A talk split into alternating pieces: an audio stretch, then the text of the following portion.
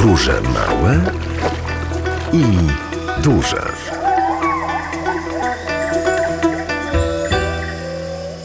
Zanim rozpoczniemy naszą podróż, może rzeczywiście taką mniejszą, bo bliższą, bo po prostu po ulicach Lublina, zwłaszcza takiej jednej szczególnej, jeszcze na ten moment nie zdradzam, to dajmy sobie chwilę oddechu, ale ten oddech muzyczny, który dla Państwa radiowo dzisiaj przygotowałam, to tak naprawdę taśma z bardzo, bardzo wielu lat minionych. Bo, drodzy Państwo, zakatalogowano tę taśmę oczywiście w rozgłośni Lublin w dziele muzycznym e, pierwszego dnia czerwca 1968 roku. Witamy Państwa bardzo serdecznie, także tym utworem muzycznym, już archiwalnym jak najbardziej. Krzysztof Mysiak, który ten program zrealizuje, a także Magdalena Lipiec-Jaremek, czyli dziewczyna z Lublina. A czy pan Stanisław Turski, nasz dzisiejszy przewodnik, a także główny bohater audycji, też wie, też mógłby odpowiedzieć na te słowa muzyka? Śpiewał przecież Piotr Suchora. Czy pan wie, jakaż to jest ta dziewczyna z Lublina, do tego dziewczyna na 102?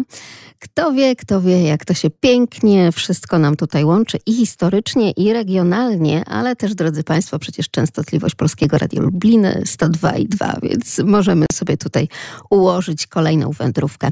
A nasza wędrówka rozpocznie się, drodzy Państwo, przy ulicy Niecałej w Lublinie.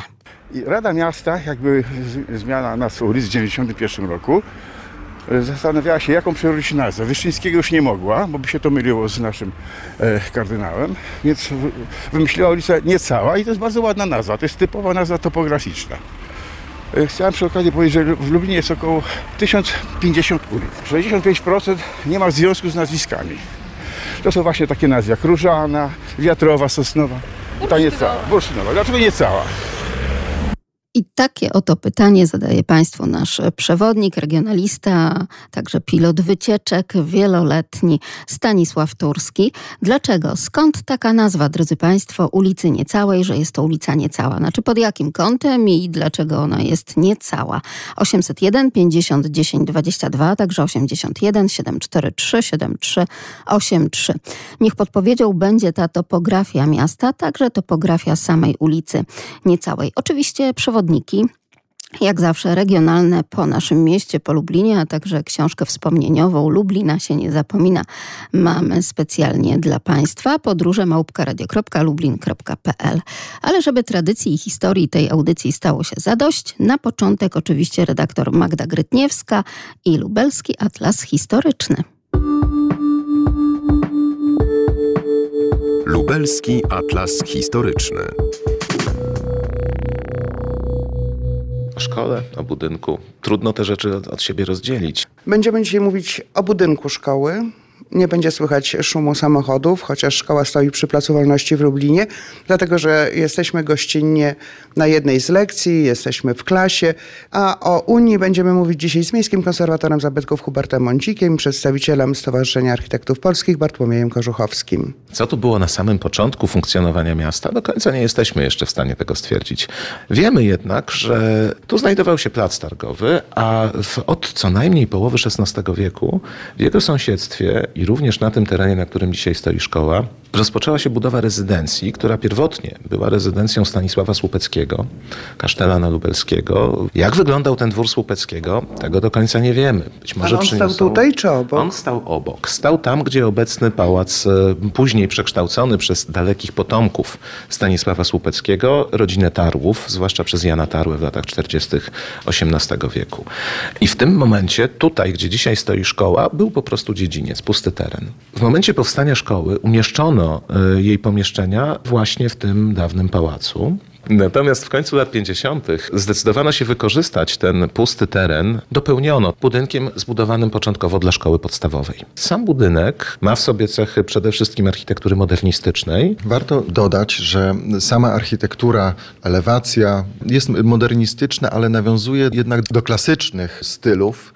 Takie zabiegi miały podnieść rangę i nadać większej powagi budynkom oświaty, czy w tamtych czasach też budynkom władzy i stąd też elementy narodowe, które pojawiają się na gzymsach. Szkoła była zaprojektowana od początku jako budynek edukacyjny. W środku jest duży hol, duży korytarz z dużą klatką schodową. Sale też są o odpowiedniej y, wielkości, odpowiedniej wysokości, żeby zmieścić jak największą ilość y, tlenu. Ważne są też okna, duże przeszklenia, ponieważ okno no, też wpuszcza słońce do klasy. I w ten sposób następuje naturalna taka dezynfekcja po prostu. Ja myślę, że sami uczniowie mogliby się wypowiedzieć, jak czują się w tym budynku. Ja nazywam się Michał Panonka. Czuję się w nim komfortowo. Na tyle, na ile się można czuć komfortowo w szkole. Architektura mi nie przeszkadza, ale nie jest najprzyjemniejsza. Fasada budynku jest zwykła, nie ma szczególnie ozdób. Ale tych ozdób tu wcale nie brakuje wbrew pozorom, tylko one są specyficzne. Bo zwróćcie uwagę, że na przykład portal wejściowy y, jest wykonany z bardzo dobrze wyciętego kamienia. To jest, można powiedzieć, element takiej trochę architektury wbrew pozorom luksusowej w momencie, kiedy to powstawało. Tak samo cokół, który otacza budynek z takim delikatnym bardzo półwałeczkiem. Zwróćcie uwagę, jak to jest dobrze zrobione. To jest y, skromna architektura. Skromna to może złe określenie, oszczędna, ale taka, która y, jest dopracowana. Harmonijne proporcje tego budynku, również portfenetry, które są w tej sferze wejściowej, czyli wysokie okna sięgające do podłogi z balustradami na zewnątrz. Więc jest to przemyślana kompozycja, też z bardzo ciekawym detalem i również detalem takim, który pojawił się tutaj w ostatnich latach e, i doskonale do tej przestrzeni i do tej architektury pasuje. Mam na myśli wiersze, które są e, namalowane chyba jedne z najciekawszych murali, jakie, jakie są w Lublinie. A jak w takim razie czujecie się we wnętrzach tej szkoły? Czy to, co powoduje, tak jak tutaj wasz kolega powiedział, no, że czuje się w, tak, jak można się czuć w szkole, z czego to może waszym zdaniem wynikać? Bo to są bardzo ciekawe obserwacje. Nazywam się Julia Hajnos. W szkole zawsze no, jest jakiś y, rodzaj stresu, ale sam budynek myślę, że nie jest do końca, nie było może do końca przewidziane, że będzie aż tylu uczniów i no, miejsca nie jest zbyt dużo, więc może to wpływać również. Nazywam się Gabriela Osińska i chciałam właśnie wspomnieć, że ten budynek w ogóle nie był przeznaczony na taką liczbę uczniów, jaka teraz znajduje się we wszystkich klasach. Na przykład w szatniach mamy trzy boksy, kiedy teraz roczników jest cztery, wiadomo, po reformie. Dwa roczniki muszą być w jednym boksie, co też powoduje trochę dyskomfortu, trochę też różnych nieporozumień. I teraz nauczyciela, profesora Krzysztofa Styczyńskiego, zapytamy, jak się uczy w tym budynku. Komfort pracy polega nie tylko na samym mm, siedzeniu w sali, ale także kontaktach interpersonalnych. Jeżeli jest budynek rzeczywiście tak mocno zatłoczony jak ten, no to sprawia pewne trudności. Ale co ciekawe, na przykład także mamy problemy z ewentualnym dostosowaniem tego budynku dla potrzeb osób niepełnosprawnych, ponieważ zamontowanie windy na zewnątrz nawet jest to niemożliwe, dlatego że przestrzeń komunikacyjna jest zróżnicowana poziomami i nie da się tego technicznie zrobić. Natomiast tak jak mówię, atmosferę tworzą uczniowie, nauczyciele. Budynek jest tylko wyłącznie pewną przestrzenią, w której się spotykamy i to od nas zależy, czy ta przestrzeń będzie dla nas przyjazna, czy nie. A dziś y, tak cichutko jest, bo jesteśmy w klasie. Klasa trzecia E, stulecie Unii Lubelskiej. Jesteśmy tutaj z Miejskim Konserwatorem Zabytków Hubertem Mącikiem i przedstawicielem Stowarzyszenia Architektów Polskich Bartłomiejem Korzuchowskim. Lubelski Atlas Historyczny. Audycja powstała przy współpracy z lubelskim oddziałem SARP.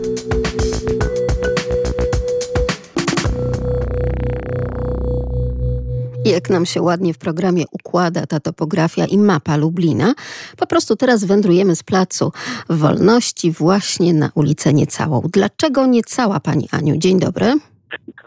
Dzień dobry. Y, Niecała, bo mm, ona kończy się skarpą. Nie jest taką zwyczajną ulicą, która prowadzi do kolejnej innej uliczki. To prawda. A jeśli skarpa, to co później mamy? Tysiąclecia. Tak, Aleje Tysiąclecia, ale ta naturalna skarpa to I oczywiście... I oczywiście Czechówkę, która Tak kiedyś jest. była e, przed laty, przed setkami laty, była przeolbrzymia. To prawda. Spuszczono nią e, drewno, e, lód i, i, i podobno też mięsa, ryby i tak dalej do zamku. Tak jest, wszystko to, co możliwe, no bo wiadomo, że to taki główny szlak komunikacyjny, prawda? I flisacki, patrząc także na te czasy. Oczywiście, Pani Aniu, Pani zna, lubi tę ulicę? Wędruje Pani czasami tamtędy? E, Tak, ja w ogóle lubię sobie tak po różnych uliczkach pochodzić, nawet takich, em, co do których niekoniecznie się bezpiecznie czujemy. To prawda. Są jeszcze takie podwórka, są jeszcze takie uliczki, y, których też być może i historia, ale również samo usytuowanie archi- architektonicznie no, sprawia, że może gdzieś tam jakieś ciarki na plecach mamy, prawda? Tak, oczywiście. Ale to nie zmienia faktu, że można się tą architekturą, a także tymi miejscami zachwycać, tak jak właśnie ulicą Niecałą. I już za chwileczkę tam się znajdziemy i będziemy wędrować razem z panem Stanisławem Turskim. Ale z nami także pan Marek z Lublina. Dziękuję pani Aniu. Dzięki. Panie Marku, pan też zna tę ulicę? Tak, kiedyś jak pracowałem, to bardzo często nią chodziłem, e, znaczy chodziłem, chodziłem w tamtych okolicach, teraz już nie pracuję, więc dawno już tam nie byłem, ale wiem, że ona się nazywa Niecała i, do, i, i, i dalej powiedzmy na jej przedłużeniu to jest nie Aleja Tysiąclecia, tylko Aleja Solidarności. Aleja Tysiąclecia zaczyna się od Lubartowskiej w kierunku dworca PKS-u. Tak jest, to już tak uszczegółowiając. Już teraz nie jest PK PKS-u, tylko auto, autobusowy. I, i, I ta ulica, y, no powiedzmy teraz jest nie sama, natomiast nie mogła się nazywać Wyszyńskiego, tak jak tam radni sobie y, chcieli to wymyśleć, dlatego że w okresie powojennym, w czasach stalinowskich, ona nosiła y, nazwę również Wyszyńskiego, tyle że Andrieja, y, radzieckiego komunisty y, polskiego pochodzenia zresztą i prokuratora generalnego Związku Radzieckiego. Więc byłoby trochę niezręczne nazywać ulicą, ulicą dawną ulicę Wyszyńskiego y, komunisty ulicą Wyszyńskiego naszego kardynała.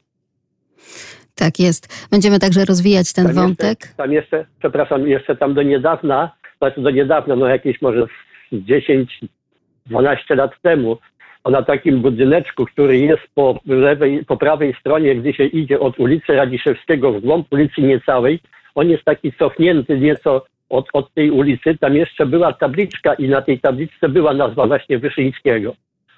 No Teraz proszę. już jej nie ma po, po, remoncie, po remoncie to zostało zlikwidowane.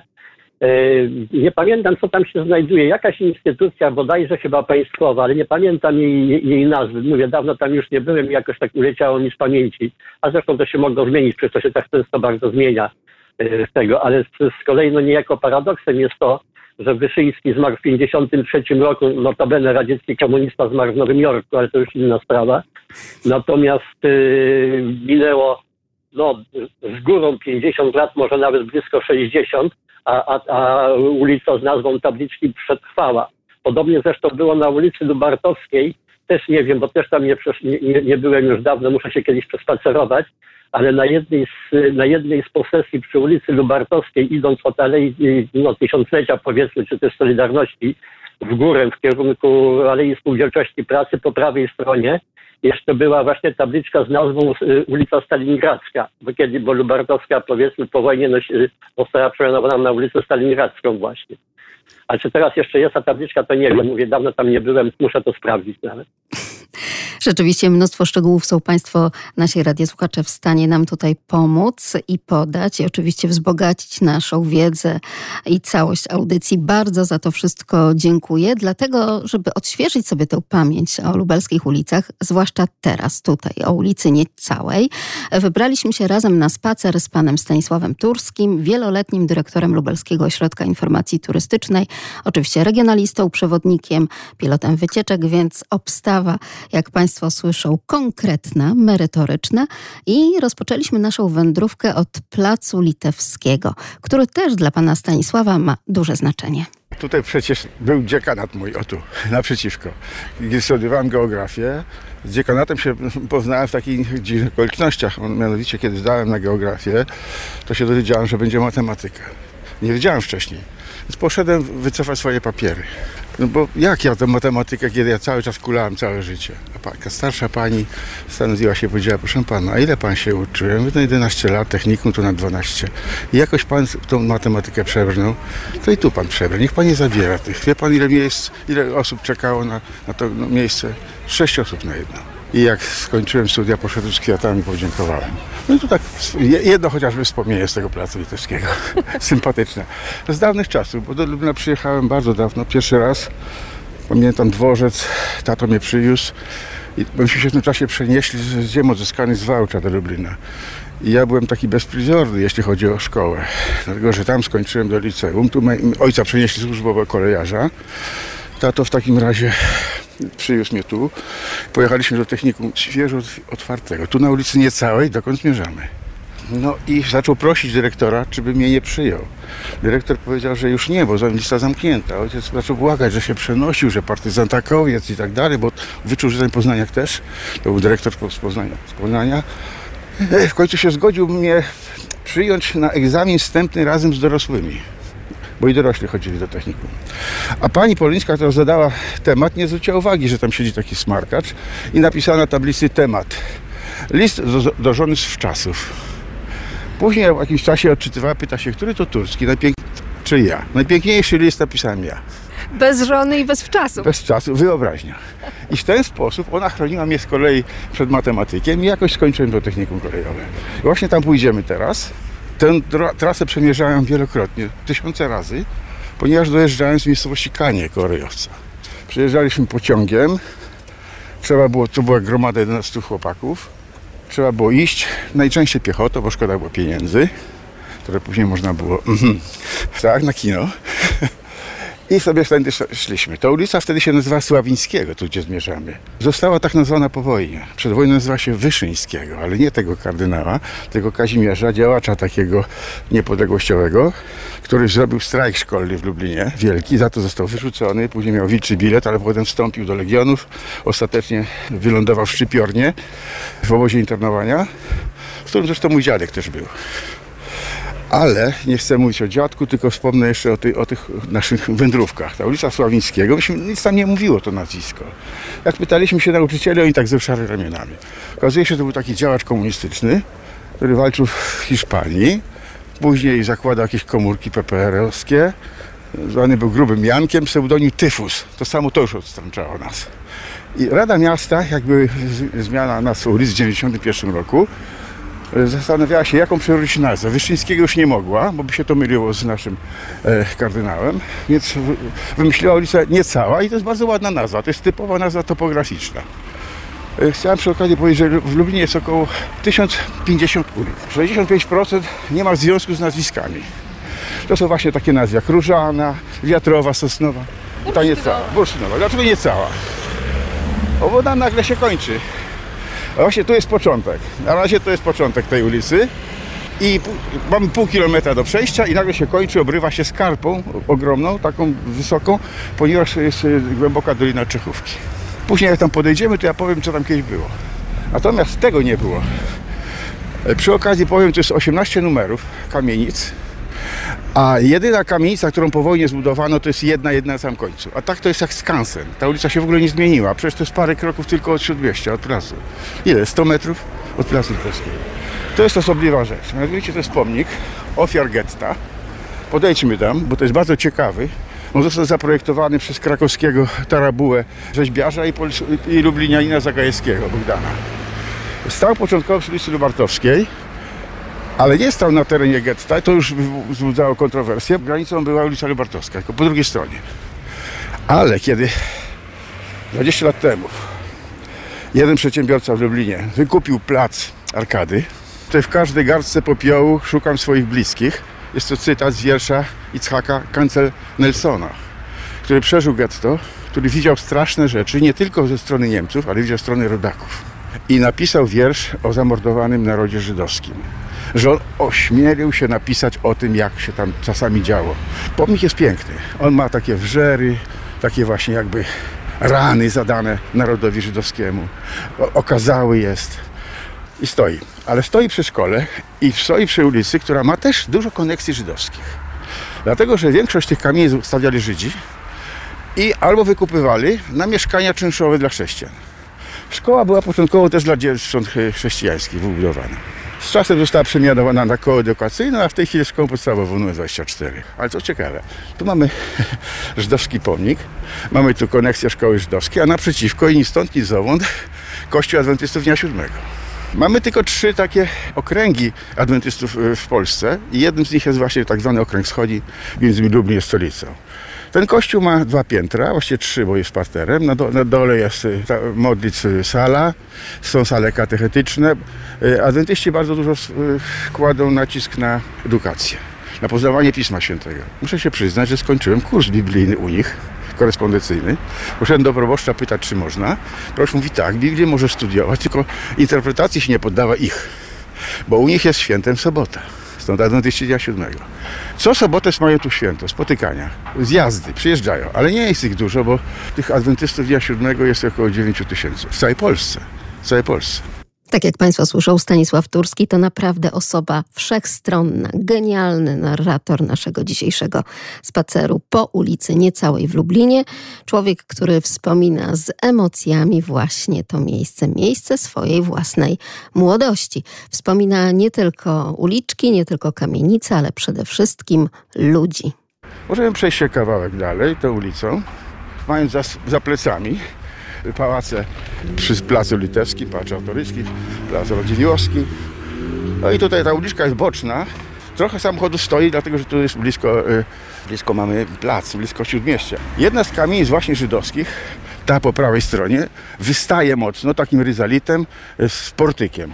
To to y, Lejba Freitag miał tutaj swoje, e, swoją kamicę i wynajmował. Stała wielu, przez wiele lat stała w takim zrujnowanym trochę stanie, aż się pojawiła taka spółka przedsiębiorców, ludzi e, interesu, którzy postanowili ją wyremontować i zrobić tutaj swoje e, pracownie. Proszę zwrócić uwagę. Bruje projektowe, notariuszowie, radcy prawni, jest okulistyka i tak dalej, i tak dalej.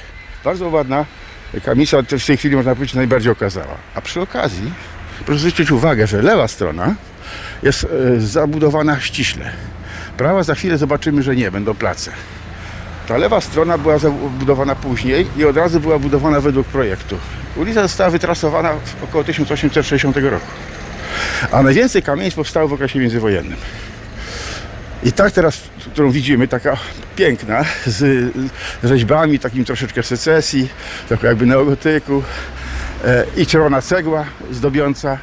To jest dawna kamienica e, właścicieli majątku w Żyżynie, e, Stanisława i Zofii Wessellów, którzy mieli tą kamienicę, na początku jako czynszową, po jakimś czasie przekazano ją Kulowi po prostu. Gdy powstał Kul, Katolicki Uniwersytet Lubelski, Kul zrobił tutaj akademik.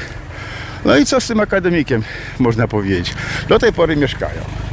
Ale ja tutaj miałem przyjemność, kiedy chodziłem tą ulicami, poznać człowieka dziwnego, zbuntowanego, który mnie czasami zaczepiał, a chodziłem w mundurze kolejowym. Mówił tak, waguny spiuneś, czopkę wziąłeś, to fiu. Bo się dowiedziałem, że to niejaki poeta. I to jaki poeta. Czy Państwo już być może wiedzą, także po tym opisie pana Stanisława, zbuntowany poeta, student Katolickiego Uniwersytetu Lubelskiego, mieszkaniec właśnie tego akademika kulowskiego przy ulicy Niecałej 801 50 10 22. Poeta, którego utwory tak naprawdę nucimy po dziś dzień. Ach, jakaż to wzruszająca muzyka. Piszą Państwo na podróże małpka.radio.lublin.pl Stare dobre małżeństwo i przypominają się stare dobre czasy, kiedy to miało się te 16-17 lat i oczywiście człowiek był zakochany to w jednym, to w drugim i takie oto melodie sobie właśnie nucił. Oczywiście muzyka tutaj do tego utworu z nim będzie szczęśliwsza to Krzysztof Myszkowski, natomiast o słowa autora słów Państwa pytamy. Pytamy ze względu na to, że no właśnie, żeby takie piękne słowa napisać, no to chyba trzeba było troszeczkę w tym Lublinie pomieszkać, bo my mamy taką romantyczną duszę, prawda, panie Stanisławie? Dzień dobry. Dzień dobry. Czy pan wie, kto jest autorem tych słów do tego utworu i kto mieszkał przy ulicy Niecałej? Sprawa, po tym, co pani redaktor powiedziała w tej chwili, zresztą jak już piosenka leciała, to odszedłem od swojej pierwotnej odpowiedzi i to nie jest ta odpowiedź, a myślałem o Grzeszkowiaku, bo tam mieszkał przecież. Nie, też y, tutaj wchodził w grę Sachura, ale on tylko waletował u nich. Chyba tu chodzi y, o y, Tak, panie Stanisławie, właśnie to drugie. Tak, Edward Stachura to to drugie nazwisko Ale on tylko formalnie to, to formalnie to nie mieszkał jako, jako stały mieszkaniec, tylko na waleta. Tak, to były kwestie związane i z tym, że przedłużał studia, ale także i z tym, że po prostu nie miał pieniędzy, prawda? Stachura, tak, no właśnie, bo y, y, na, to znaczy y, y, y, powiedzmy koloryt tej pios- pieśni, piosenki wskazywa na Stachurę oczywiście. Wszystko się zgadza. Bardzo dziękuję panie Stanisławie. Pozdrawiam. I tak jak w tej Dziękuję. piosence mamy takie oto słowa, że ze mną można tylko pójść na wrzosowisko i zapomnieć wszystko, tak z nami, z audycją Podróże Małe i Duże, dzisiaj można znaleźć się przy ulicy Niecałej i przypomnieć sobie tak naprawdę wszystko. Prawda pani Ewo? Dzień dobry. Tak, tak, oczywiście. Czy pani potwierdza słowa pana Stanisława? Bo tak, się zastanawiał nad dwoma artystami. W pierwszej chwili od, y, właśnie y, pierwsza moja myśl to była y, o Edwardzie Stachurze. Czyli pełna zgoda. Tak, to prawda, to właśnie Edward Stachura. Także tutaj słowa do tego utworu z nim będziesz szczęśliwsza. Piękna, romantyczna muzyka, ale też i wspaniały romantyczny tekst, bo to przecież od tekstu tak naprawdę tutaj wszystko się zaczyna. A jak u pani ze znajomością ulicy Niecałej, pani Ewo? No myślę, że Zdarza się czasami, niezła. tak, a zdarza się czasami tamtędy spacerować, bo wydaje się, że ona jest tak z boku, prawda, centrum miasta, aż żal, że tak rzadko ją odwiedzamy, bo kiedy spacerowałam w piątek z panem Stanisławem, to naprawdę co krok mogliśmy się zatrzymywać i zachwycać i nad elementami kamienic, i właśnie nad historią tej ulicy, i jej mieszkańców również. No trochę leży na uboczu i chyba nie jest tak często odwiedzana przez y, mieszkańców i turystów. A naprawdę jest chyba co zobaczyć. To prawda i dlatego też pan Stanisław Turski e, tutaj pokusił się o przygotowanie dla państwa, dla naszych radiosłuchaczy takiego swoistego przewodnika właśnie szlakiem tej ulicy Niecałej i jeszcze tam będziemy wędrować aż do godziny 14, drodzy państwo. Bardzo dziękuję pani Ewo i do Dziękuję. spotkania gdzieś na tych zabytkowych uliczkach Lublina. Powróćmy w takim razie do wspomnień pana Stanisława Turskiego o Edwardzie Stachurze właśnie przy ulicy Niecałej. poeta, Stachura Edward, który tu mieszkał, który pisał ciągle do dziekana, że jest suchy chleb, że jest głodny, że mu stypendium przydzielić i tak dalej, i tak dalej. W każdym razie on, ponieważ się urodził we Francji, znał język francuski, romanistyka go interesowała i skończył wydział właśnie humanistyczny, romanistykę, obronił pracę na, na kulu, a później się to już nie będziemy o nim mówić. Jego życiorys jest bardzo barwny. W każdym razie był też y, drwalem, stąd napisał Siekierezadę. No, różne te jego znane są książki. No, niestety skończył tragicznie śmiercią samobójczą w Warszawie. I tak oto ta historia się nam tutaj przeplata także z tą piękną muzyką, po którą sięgają po dziś dzień artyści. Magda Umar. I być może niektóre z tych tekstów powstawały także w tym słynnym akademiku, akademiku Katolickiego Uniwersytetu Lubelskiego przy ulicy Niecałej. Zajrzymy tam nie tylko na podwórko, ale nawet do samego wnętrza wraz z panem Stanisławem Turskim. A jednak tak. I to widać, że to jest 1919 rok z Fundacji Stanisława Wesla. Ale tu nie napisano jeszcze, no, zawsze krzywdzą kobiety, no. A Zofia Weslowa, to przecież ona tak samo była współwłaścicielką tego, tej kamienicy. No, zajrzyjmy, jak to chociaż wygląda. Tu, tu dotknijmy chociażby klamki, którą sam wielki Stachura dotyka. Szczerze mówiąc, nigdy tu nie byłem. A jak prawdziwy akademik, to powinien pojść. Pani portierka? No jest. Kiedyś to się, to się działy takie babcie na tym, e, emerytki.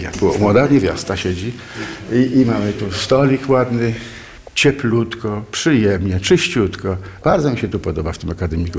Jeju, Panie Boże, spraw, żebym ja jeszcze mógł raz studiować. Wierzę, że takie wspomnienia także Państwu, naszym radiosłuchaczom, nasuwają się dzisiaj podczas tej wędrówki przy ulicy Niecałej. No troszkę się świat zmienił, akademiki również. Ale to podwórko zupełnie inaczej wygląda, ta studnia. Jest to piękne budynki, szersze to jest podwórko. To z jednej strony jest tylko taki mur, niestety pęknięta ściana mocno, ceglana, od, od góry do dołu, ale te oficyny są w bardzo dobrym stanie.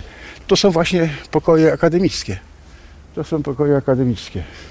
No, sporo studentów tutaj może sobie mieszkać. Chociaż dzisiaj jeszcze jest łatwiej dojeżdżać niż dawniej. Ja ostatnio byłem przy Politechnice, bo moja córka pracuje tam w rektoracie, odwiedzić ją. Pytam się, Magdalenko, A czyje to te samochody? Przecież to z 500 samochodów. A studentów, tato. Co? Studentów. w moich czasach nie było mowy, żeby jakiś student miał samochód. A, a profesorowie czym jeżdżą? A rowerami połowa jeździ. No i proszę, i zdrowie, i bardziej ekologicznie, i być może ten przykład idący z góry także przełoży się na studentów. Na ulicę Niecałą powrócimy tuż po godzinie 13. Już 10 minut po godzinie 13. Podróże małe i duże. A dziś w drugiej godzinie ponownie zapraszamy Państwa na spacer ulicą Niecałą w Lublinie. Ta ulica z historią, zwłaszcza jeśli idzie o historię jej mieszkańców. Ale też tutaj mieszkała postać inna, zupełnie też poeta, Bart, śpiewak, sobie tu pomieszkiwał. Ten sobie takie wyśpiewywał rzeczy, różne ciekawe, ludowe, e, jak pisał tam z Cicibora. Była taka piosenka, no bo dzisiaj w remizyi będą piknie grać na cyi. Będzie bęben, czyli jazz. Intymności przyjdzie czas. I można by było dodać do tego, znaczy pan Stanisław mógłby dodać, to śpiewałem ja, Stanisław Turski. Grunt to mieć takiego przewodnika, takiego regionalistę, takiego pilota naszej wycieczki w podróżach małych i dużych, który nie dość, że przekazuje nam wiedzę, informacje, to jeszcze i zaśpiewa, i zatańczy nawet. Ale teraz proszę się zastanowić, oczywiście ci z Państwa, którzy uważnie słuchali także wypowiedzi naszych radiosłuchaczy, to być może nie będą mieli problemu z rozszyfrowaniem, o jaką postać tym razem chodzi. Też artystę związaną właśnie z ulicą Niecałą w Lublinie, a oto śpiewa on i jego głos. Dziewyczka ma coś jak coś, o czym powiadam, daj mi daj. Bo twoje małe, słodziutkie coś, to jest mój raj, mój raj, mój raj. Nie mówię wszakże, że ona jedna na całym świecie, owo coś ma, bo je ma każda na wsi i w mieście, bo je ma każda i ta, i ta. Strzelako skąpa ma to dla siebie, a zaś rozrzutna każdemu da. Dlatego lubię moją dzieweczkę, bo ona tylko dla mnie to ma. A owo coś to mojej lubej. Chusteczka słodkie, jak ulepek, a ten kto myślał coś innego, ten nie ma wszystkich pięciu klepek, a ten kto myślał coś innego, ten jest bardzo nieprzyzwoity. Koniec pieśni. Oklaski i atmosfera jednej z lubelskich kawiarni z lat minionych. Czyj to był głos? Kto mieszkał przy ulicy Niecałej w Lublinie? Kto takie piosenki wyśpiewywał? 801 50 10 22. Czy znają Państwo to imię i nazwisko? A także podróże małpka.radio.lublin.pl A skoro już pan Stanisław Turski, nasz dzisiejszy przewodnik, wspomniał, a nawet zaśpiewał jeden z utworów właśnie tegoż artysty, to sięgnijmy po nowsze, współczesne bardziej wykonanie właśnie Panny Ścicibora i Krzysztof Drawicz. Polecamy genialna płyta, już jak najbardziej współczesna, kawalerskie noce, piosenki Kazimierza Grześkowiaka. Grześkowiaka. Jeśli chodzi o to wykonanie, to brzmiało to tak jak słuchowisko radiowe. Mam nadzieję, że Państwo też się wczuli, też razem wspólnie mogliśmy sobie pośpiewać. Bem, będzie bęben, czyli jazz, intymności przyjdzie czas. I tak się zastanawiałam, czy być może jacyś słuchacze z miejscowości Cicibór Duży, czyli wieś w Polsce położona w województwie lubelskim, było nie było w powiecie Bialskim, w gminie Biała Podlaska. Czy ktoś się właśnie z tych terenów odezwie, ale tym razem pani Stella ze Świdnika. Dzień dobry. Dzień dobry, ale ja myślałam, że to Kazimierz Grześkowiak, więc chyba. Więc chyba jak najbardziej, tak, bardzo dobrze pani myślała. O I to, nam, o to nam jak najbardziej Mhm. chodziło. I pan z Cicibora, czyżby pani znała także tę płytę właśnie? Tak, e, i wykonanie e, Lubelskiej Federacji Bardów. e, Tak, Super. do tych utworów też będziemy sięgać, ale tak jeżeli już smakujemy te różnego rodzaju utwory i także współczesne aranżacje, to proszę nie zapominać, że nawet Kazik Staszewski też te piosenki podśpiewywał. Właśnie Kazimierza Grześkowiaka jak najbardziej. Pani wprawdzie jest ze Świdnika, a my dzisiaj wędrujemy po ulicy Niecałej. Czy zna Pani tę ulicę? Tak, znam. No proszę, a cóż tam się takiego ciekawego na przykład mieści? Bo troszeczkę już będziemy e, także spoglądać na te budynki, które są po dziś dzień, ale także takie, które mają historię. Czy pani kojarzy? Nie bardzo.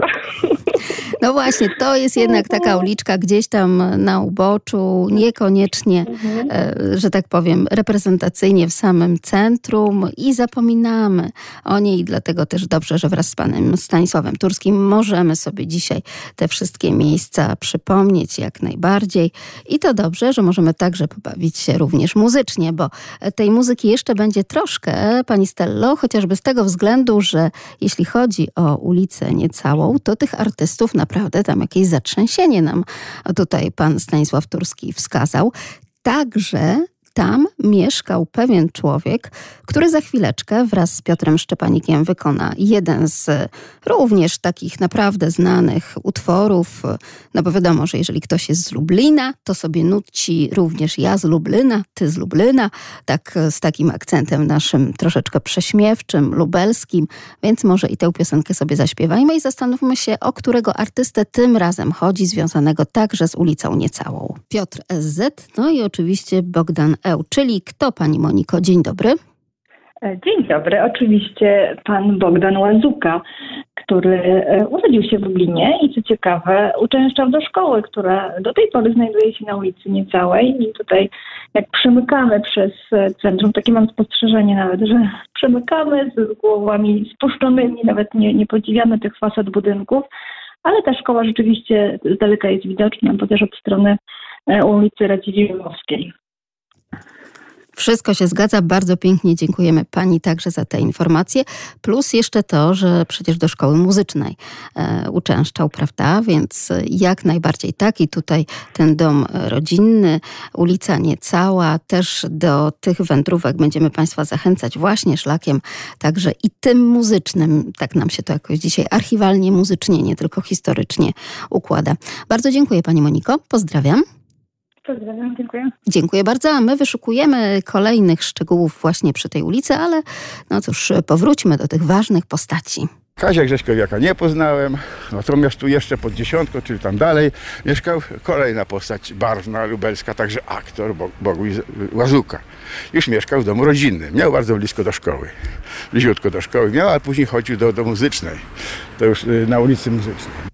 Wszystko się zgadza i także nasz przewodnik, pan Stanisław Turski, pokazuje nam, że tak naprawdę warto czasami szanować te ulice, które mijamy w codzienności. Być może nie zwracamy uwagi ani na ich nazwy, jak chociażby ta ulica Niecała, ani także na osoby, których imiona i nazwiska te ulice noszą. Może warto, tak jak zaznacza pan Stanisław Turski, stworzyć taki swoisty katalog ulic Lublina zrobić taki też katalog, chociażby w internecie, życiorysy patronów ulic. Oczywiście nie Mickiewicza, nie Słowackiego, ale jak są niektóre ulice jakiegoś tam Chrząszczewskiego, jak jest ulica na przykład Aksini, bo jest taka, to ludzie naprawdę nie mają zielonego pojęcia.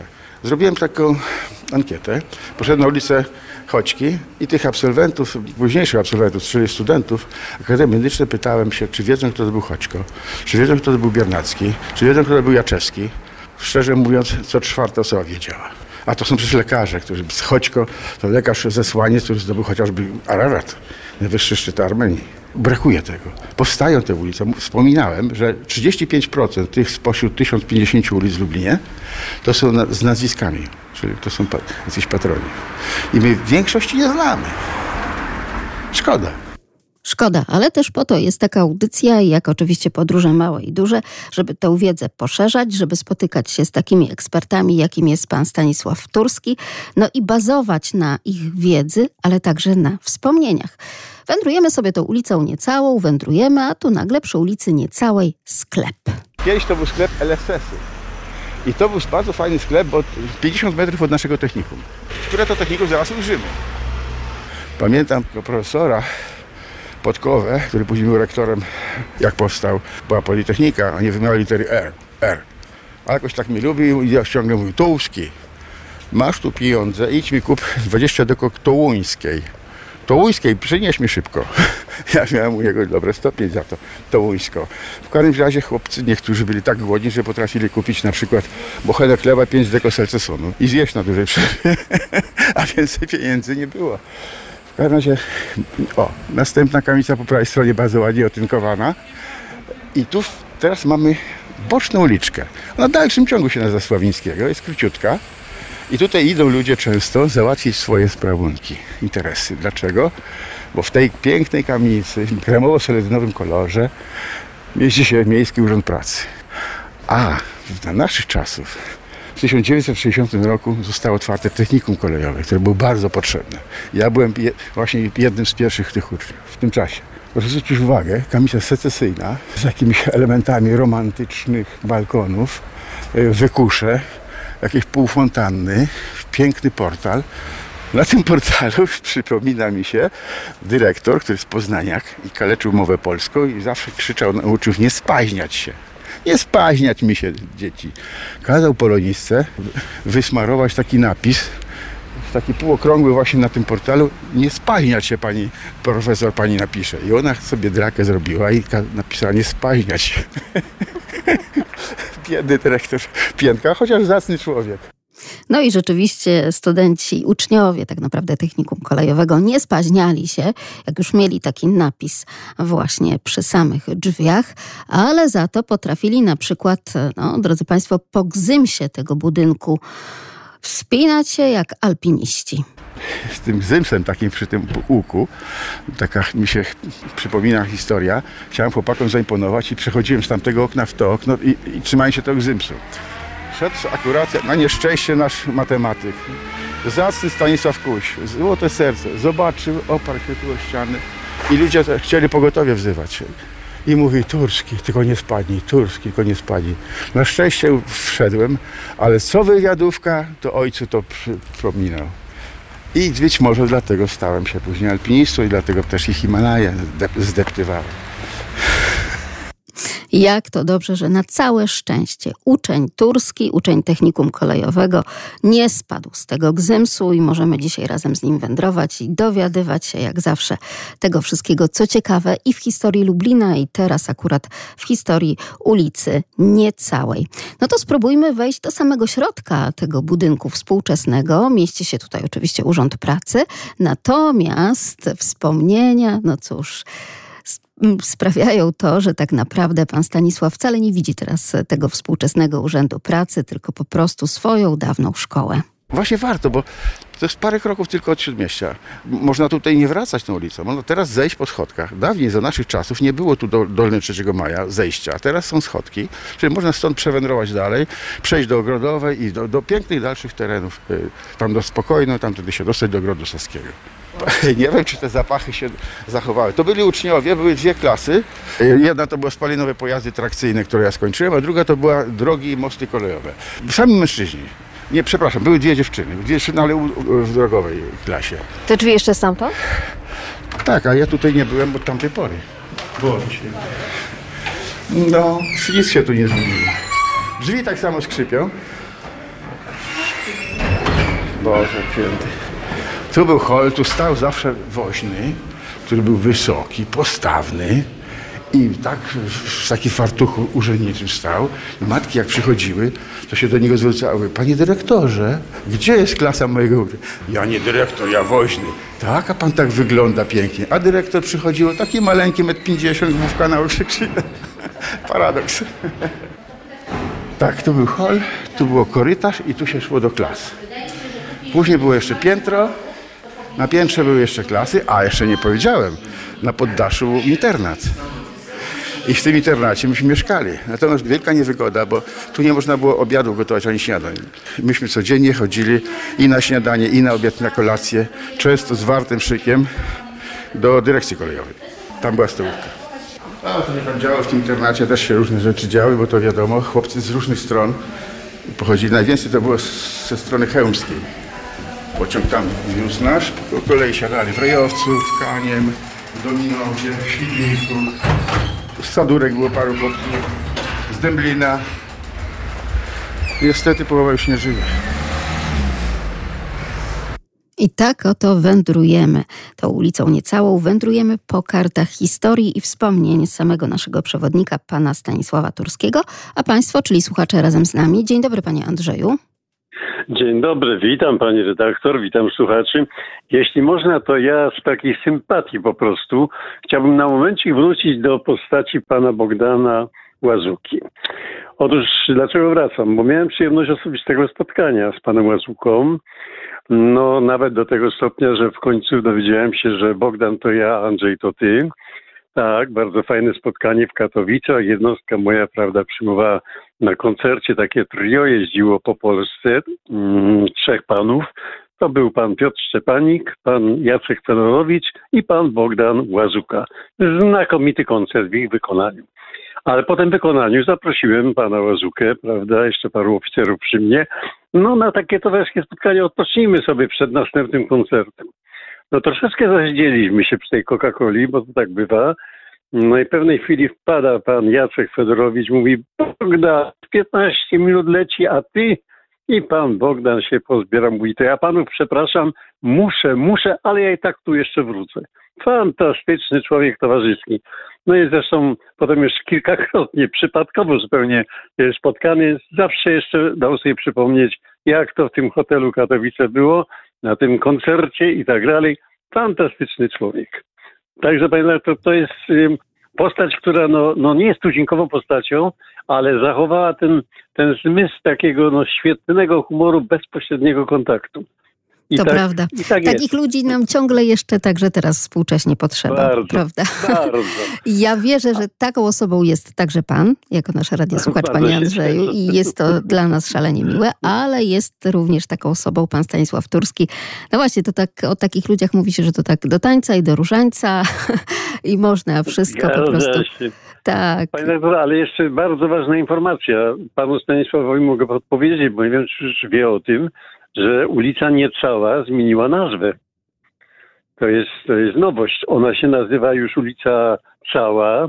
Dlaczego? Bo mieści się tam szalony Wydział Komunikacji, w którym miałem przyjemność załatwiania no takich papierków, papiereczków drobiazgów związanych z samochodem. Cały czas, który mi tam rzeszy, to cały czas już mi nogi wchodziły tu i tam i całą tą, tą odpowiedzialność za tą niecałą przeszło w całą. No byłem zrozpaczony i uszczęśliwiony, jak w końcu dostałem kawałeczek papiurka, załatwione i tak ta ulica niecała została mi. No proszę, czyli petent już w końcu zadowolony z tej całej, niecałej mógł wyjść. Gdyby miał pan słuchawki i w tych słuchawkach na przykład e, brzmiałby taki utwór, jaki za chwilkę tutaj specjalnie dla pana pan Krzysztof Mysiak, realizator, przygotował, to może troszeczkę przyjemniej byłoby wtedy czekać. Prezent dla pana muzyczny oczywiście Bogdan Łazuka. A miłość przecież nie jedno ma imię, w tym także miłość oczywiście do wspomnień, także do tych lat młodzieńczych. Więc jeszcze na chwilkę zatrzymajmy się właśnie przy tym dawnym technikum kolejowym w Lublinie, tak lekko z boku ulicy Niecałej, a kamienica jest naprawdę, naprawdę przepiękna. Była to kamienica wybudowana przez e, Jadwigę mm, na BB, może sobie przypomnę za chwilę, w 1913 roku była to znana akuszerka, działaczka na, na rzecz praw kobiet. Później y, zrobili taki szpitalik dla kobiet właśnie, jak to nie chciano ciążę i chciano, żeby to jakoś podtrzymać, żeby jakoś uratować dzieci. I w 1918 roku z Polska odzyskała niepodległość, potrzeba było dla kolei jakiegoś budynku administracyjnego, dużego. I właśnie kolej to wykupiła. I od tamtej pory, czyli od 1918 roku, do mniej więcej jakiegoś 90 było tu technikum kolejowe. Później kolejarze się składali, mój tato się składa jako kolejarz też, 1% zarobków i powstało to e, technikum przy ulicy Zębożyckiej, które po latach zamknięto, kiedy zaczął się kryzys na kolei, ale na szczęście otwarto. W zeszłym roku byłem na 50-leciu tego technikum, pokażę pamiątkę. Akurat przy sobie mam. Jest to po prostu taka fajna siatka, Technikum kolejowe 1960-2020 Zespół Szkół Transportów Komunikacyjnych. Brawo, brawo. Tu możesz sobie popatrzeć siateczką. To tylko taki nietuzinkowy przewodnik to potrafi nawet przynieść na miejsce spotkania siateczkę współczesną z tego technikum kolejowego, tak naprawdę ze szkół transportowo-komunikacyjnych, które teraz obecnie mieszczą się przy ulicy Zębożyckiej, właśnie tutaj na tę ulicę Sławińskiego 14, gdzie w końcówce lat 60. mieściło się właśnie technikum kolejowe i pokazać, zobacz, zobacz siateczko, możesz sobie na to wszystko popatrzeć. No to trzeba mieć taki sznyt z lat minionych, żeby tak też podchodzić do życia. I nam się to jak najbardziej podoba. No i te wszystkie wspomnienia z lat e, studiowania i nauki właśnie w technikum. Myśmy mieli taką niedogodne, to jeszcze powiem o tym technikum, myśmy mieli niedogodne godziny rozpoczęcia szkoły. Była godzina 14.25, a ja miałem pociąg z miejscowości Kanie o 9.25. Przyjeżdżałem do Lublina, było kilka godzin czasu. Nie wiadomo co zrobić z sobą. Chodziłem wtedy namiętnie na poranki do kina. To wtedy zaszczepiłem się, można by powiedzieć, miłością do kina. Gdzieś, gdzie grali dobrego. Przy dworcu kolejowym najbliżej był robotnik przy ulicy 1 Maja. Ale z kolei z kina Wyzwolenie było bardzo blisko tutaj do technikum. Chodziłem na Stare Miasto do Staromiejskiego. Później, jak już byłem trochę bogatszy, to do kosmosu. Także jeszcze były inne kina, ale tam już rzadziej chodziłem. Na przykład Przyjaźń, było takie kino. Pamiętają Państwo te wszystkie kina? Robotnik, przyjaźń 801 50 10 22. Jeżeli komuś też zebrało się na takie wspomnienia, idąc tym szlakiem myśli i wspomnień pana Stanisława Turskiego, to oczywiście też zachęcamy i zapraszamy. A my idziemy wcale nie wirtualnie, ale rzeczywiście po takiej skarpie, dlatego że, tak jak mówiliśmy na początku naszego programu, rzeczywiście ulica niecała spada w dół i spada ku skarpie. Wyczuwa pani pochyłość, prawda? Coraz większą ponieważ zbliżamy się do skarpy nad Doliną Czechówki. Teraz tak, możemy wypatrywać rzeki. Jednej z dwóch dopływów Bystrzycy na terenie Lublina, oprócz Czerniejówki to Czechówka, ale jej nie widać, tej Czechówki tu na terenie Lublina, dlatego że została wpuszczona w kanał, jak to mówią, czyli płynie pod ziemią. Płynie pod ziemią i dopiero wpadając do Bystrzycy pozwolono jej odetchnąć, wypłynąć na powierzchnię. Dlatego tak zrobiono, żeby można było trasę komunikacyjną właśnie w tej dolinie e, zrealizować. Piękny widok się stąd roztacza, wyjątkowo piękny, na Czechów, prawda? Na przeciwległe wzgórze, pokryte lessem, to wszystko jest teren lessowy. Są te właśnie wąwozy, parowy, głębocznice i już widać szum komunikacyjny, dlatego że pędzą tędy tą trasą WZ i teraz tak, tam gdzie są te krzaczki, były piękne stawy.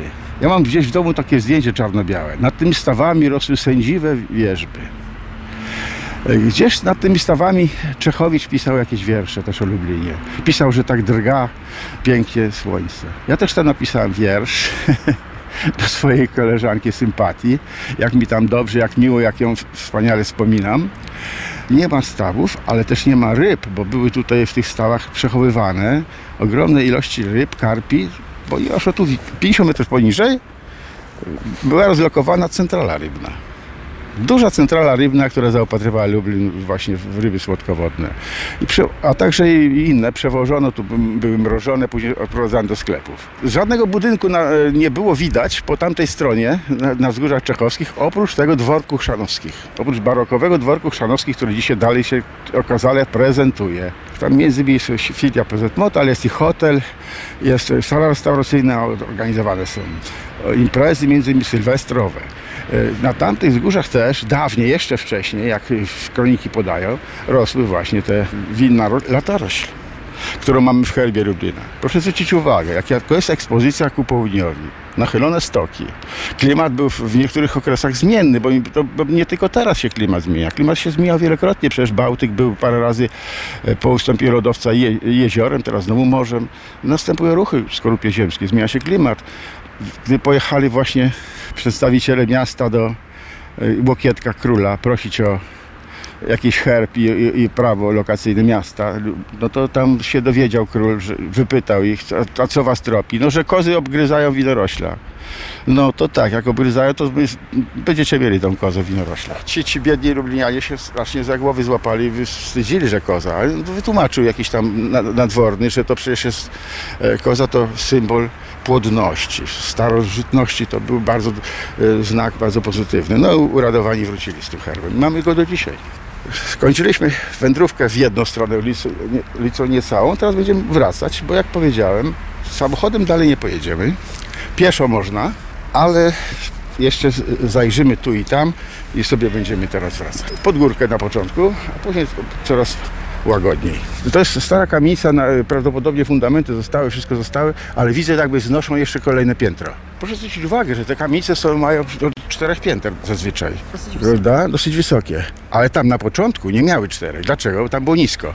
A tutaj, żeby by- za- zachować poziom, ponieważ e, droga się obniża, to coraz wyższe piętra są. Jak to dobrze spacerować nie tylko z pilotem, przewodnikiem, regionalistą, ale także z geografem, który prawie że jest architektem, no bo też potrafi nam tutaj wskazać wszystkie niuanse związane i z budownictwem przy ulicy Niecałej, ale także z samym usytuowaniem tejże właśnie uliczki. Uliczki, no bo to nie jest zbyt duża ulica, ale jednak warto zatrzymywać się tam niemalże przy każdej kamienicy. Niektóre kamienice mają daty, tam data e, przy 11, niecała 11, mamy 1908 rok. I to już w tej chwili ponad 100 lat stoją te kamienice. Wyglądają jak, jak wczorajsze, jak nowe. To szczególnie te, które są trochę zadbane. Solidnie były budowane, nie z żadnych pustaków, to były cegły. Bardzo były głębokie fundamenty wtedy. Takie były prawa, e, obowiązki. Natomiast tu z prawej strony kamienica stara została jakby unowocześniona. W takim stylu modernistycznym została przekształcona elewacja. Tu po lewej właśnie, za plecami naszymi, jest budynek, który będzie... On miał taką jeszcze kiedyś sentencję łacińską, czyżby już ją zabrali? Do sprzedania pod szesnastką. O, tu był szpital wojewódzki. I jeszcze pamiętam, moje koleżanki kiedyś tu podprowadzałem jedną swoją sympatię. Ona tutaj szła właśnie się położyć do tego szpitala. Szkoda, że już nie ma tej sentencji. No szkoda, że nie ma tej właśnie sentencji, ale na szczęście to dobrze, że jest chociażby tekst. Tekst właśnie pana Stanisława Turskiego o ulicy Niecałej, o jego życiu właśnie przy ulicy Niecałej, bo tutaj możemy przeczytać tę sentencję Salus Allegrotti Suprema Lex. Życie chorego najwyższym prawem. Właśnie można powiedzieć, to raczej zdrowie chorego najwyższym dobrem. Może życie być też, bo zdrowie to i życie to, to, to, to koegzystują z sobą. A my, dbając o nasze życie i zdrowie, wchodzimy, drodzy Państwo, także i w podwórka, w podwórka związane z ulicą Niecałą i tymi właśnie kamieniczkami. Właśnie, nie wchodziliśmy jeszcze, ale te czynszowe kamienice miały to do siebie, że nie tylko wykorzystywano tą czołową przy samej ulicy stojącą, ale jeszcze były budowane oficyny. Przez bramę się wchodziło, było podwórko i to podwórko było otoczone właśnie kamienicami czynszowymi, gdzie już ten czynsz był troszkę niższy. Proszę zwrócić uwagę, to są trzy duże skrzydła, czteropiętrowe i, i pięciopiętrowe. I tu mieszkań jest, mi się wydaje, gdzieś około 20 co najmniej, 25. Pomnóżmy po 4-5 osób, to ponad 100-150 osób mieszkało. Większe było zagęszczenie. No i właściciel takiej kamienicy mógł sobie gdzie indziej mieszkać nawet. Tu miał tylko dozorcę i czerpał zyski. Trzeba było płacić. A jeszcze niektórzy mieli sutereny wynajmowane. W tej chwili są pozabijane, w tej chwili są nieczynne, ale w tych suterenach były często warsztaciki.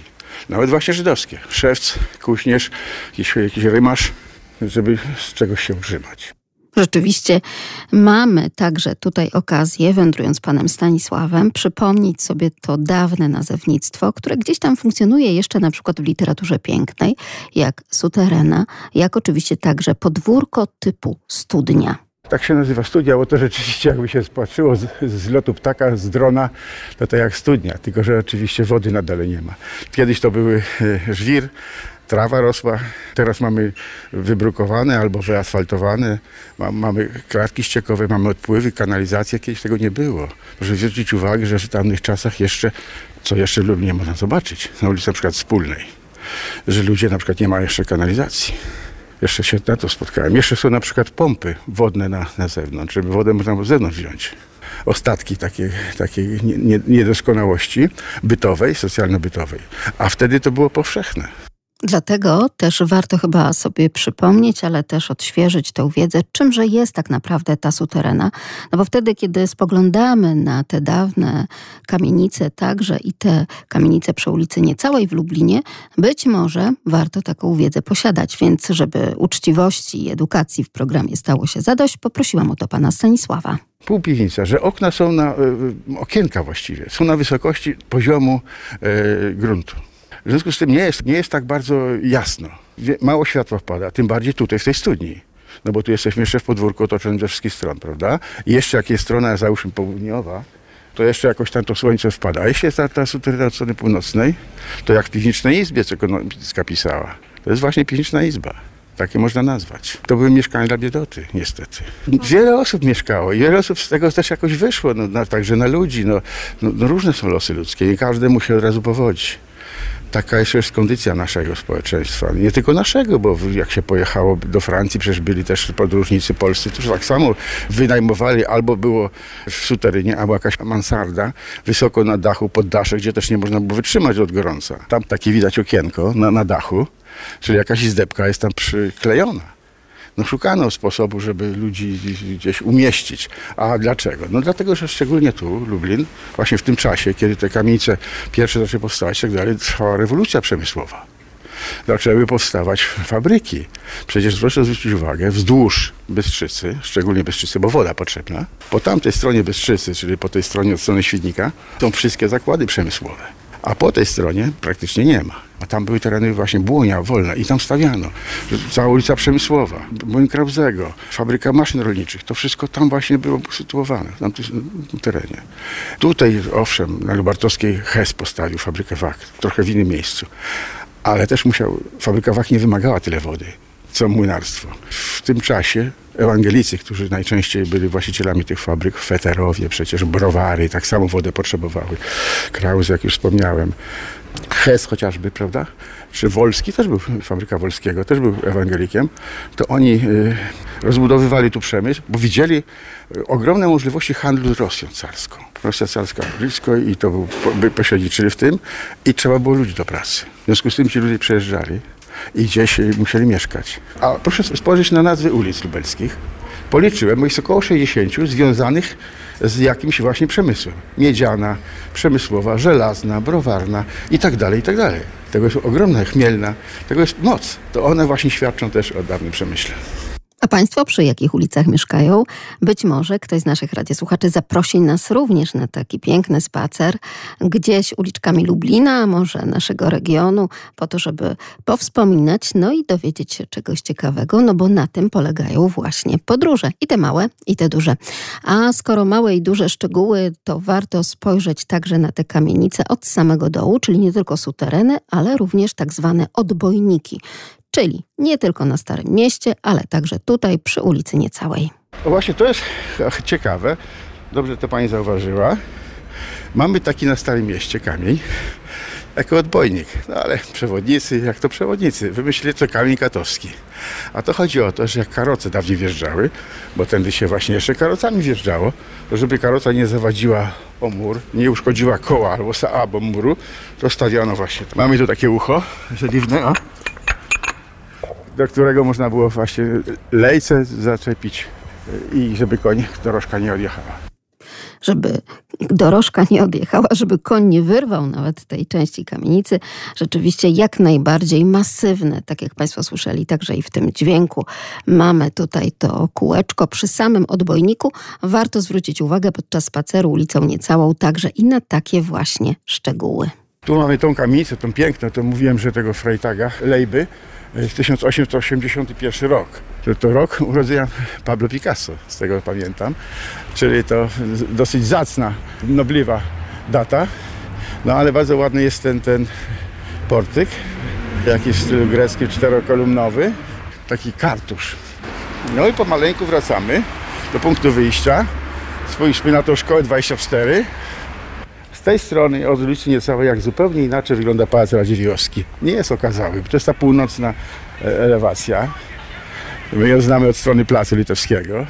Dwie wieże, parter i piętro tylko.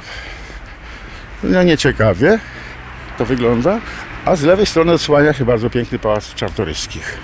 Siedziba w tej chwili Lubelskiego Towarzystwa Naukowego. Chodźmy, chodźmy. Idziemy, idziemy, wędrujemy z panem Stanisławem. Bardzo nam się ten spacer podoba. Państwu też. Dzień dobry pani. Dzień dobry. Ja y, Państwa audycja wywołała takie moje wspomnienia z dzieciństwa.